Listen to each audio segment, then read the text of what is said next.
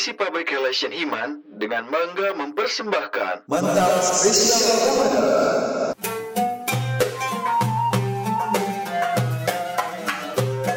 Assalamualaikum warahmatullahi wabarakatuh. Pendengar mahasiswa dan mahasiswi manajemen Unisba Selamat datang di episode ketiga Manajemen Talk and Podcast Michelle Ramadan.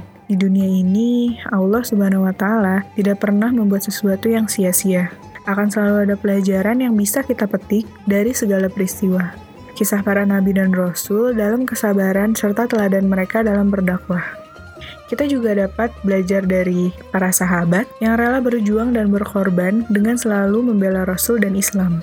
Dalam kesempatan kali ini, saya Kamalia Orananda akan membahas mengenai keutamaan belajar ilmu agama. Ilmu atau pengetahuan adalah wujud dari aktivasi nikmat Allah berupa otak. Otak kita diciptakan Allah berfungsi untuk berpikir, mengingat, menafsirkan, menganalisa, dan menginterpretasikan banyak hal. Wujud syukur kepada Allah jika manusia menggunakan otaknya seoptimal mungkin untuk kemaslahatan baik bagi dirinya maupun orang lain. Allah Azza wa Jalla telah berfirman dalam Al-Quran Surat Yusuf ayat 108. Katakanlah Muhammad, inilah jalanku yang lurus. Aku dan orang-orang yang mengikutiku mengajak kamu kepada Allah dengan ilmu. Menurut ayat tersebut, Allah Subhanahu wa taala telah memerintahkan kepada Rasulullah untuk mengajak seluruh umatnya untuk bertawakal kepada Allah Subhanahu wa taala dan senantiasa menggunakan akal dan keilmuannya untuk senantiasa mendekatkan diri kepada Allah, menjalankan semua perintahnya dan menjauhi larangannya. Kemudian dalam hadis riwayat Ibnu Majah, Rasulullah menegaskan bahwa menuntut ilmu agama itu wajib bagi setiap muslim. Menuntut ilmu agama dilakukan sampai seseorang masuk ke liang lahatnya. Karena semua urusan di muka bumi ini sudah diatur oleh Allah Subhanahu wa taala. Maka jangan sampai seseorang buta akan agamanya. Ilmu agama digunakan seorang muslim untuk melakukan ibadah. Selaku seorang muslim, kita dituntut untuk berilmu sebelum beramal. Di antara dalilnya adalah firman Quran Surat Muhammad ayat 19. Maka ketahuilah bahwasanya tiada sesembahan yang berhak disembah selain Allah dan mohonlah ampunan bagi dosamu. Dalam ayat ini kita diperintahkan berilmu lalu beramal. Berdasarkan dalil ini, Imam Bukhari berkata, Al ilmu qoblal qaul wal amal. Artinya, ilmu sebelum berkata dan beramal. Ibnu Munir berkata, yang dimaksud perkataan Bukhari adalah ilmu merupakan syarat sah perkataan dan amalan. Jadi, ucapan dan amalan tidaklah dianggap kecuali didahului ilmu.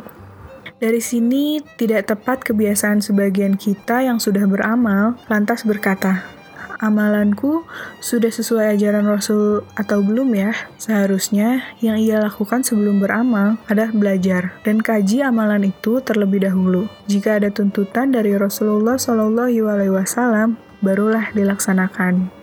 Ilmu agama juga digunakan oleh seorang muslim untuk menuai berbagai kemuliaan orang yang menuntut ilmu. Berarti, telah mendapatkan warisan para nabi karena para nabi tidaklah mewariskan harta maupun uang. Yang mereka wariskan adalah ilmu agama, sebagaimana yang disebutkan dalam hadis riwayat Abu Daud dan Tirmizi Sahih. Sesungguhnya, para nabi tidak mewariskan dinar dan dirham. Mereka hanyalah mewariskan ilmu. Barang siapa yang mengambilnya, maka dia telah memperoleh keberuntungan yang banyak. Menuntut ilmu agama adalah jalan mudah menuju surga, sebagaimana dalam hadis Abu Hurairah Rasulullah Wasallam bersabda, "Barang siapa yang menempuh jalan menuntut ilmu agama, maka Allah akan memudahkan baginya jalan menuju surga."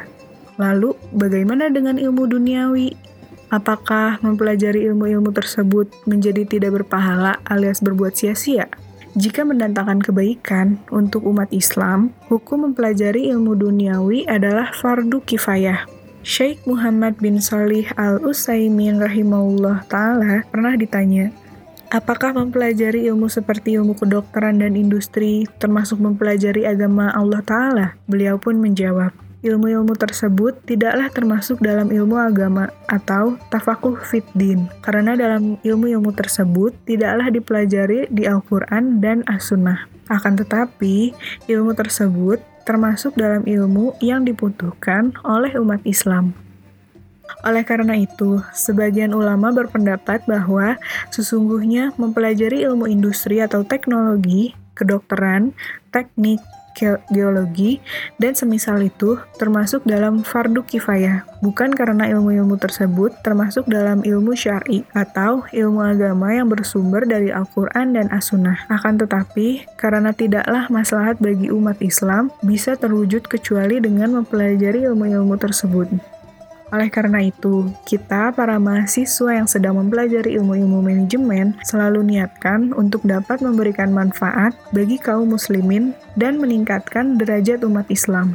Jamaah mahasiswa manajemen Unisba yang diberkahi Allah Subhanahu wa taala sudah jelas ilmu adalah saidul amal atau penghulunya amal sehingga tidak ada satupun amalan pun yang dapat dilakukan dengan benar tanpa didasari dengan ilmu kita sebagai umat muslim sangat dituntut untuk mempelajari ilmu agama, agar kita dapat menjalankan kehidupan dunia dan akhirat dengan selamat, serta ilmu pengetahuan juga dapat kita digunakan untuk semakin menguatkan dasar-dasar keagamaan yang sudah disampaikan secara tersirat dalam Al-Quran dan hadis.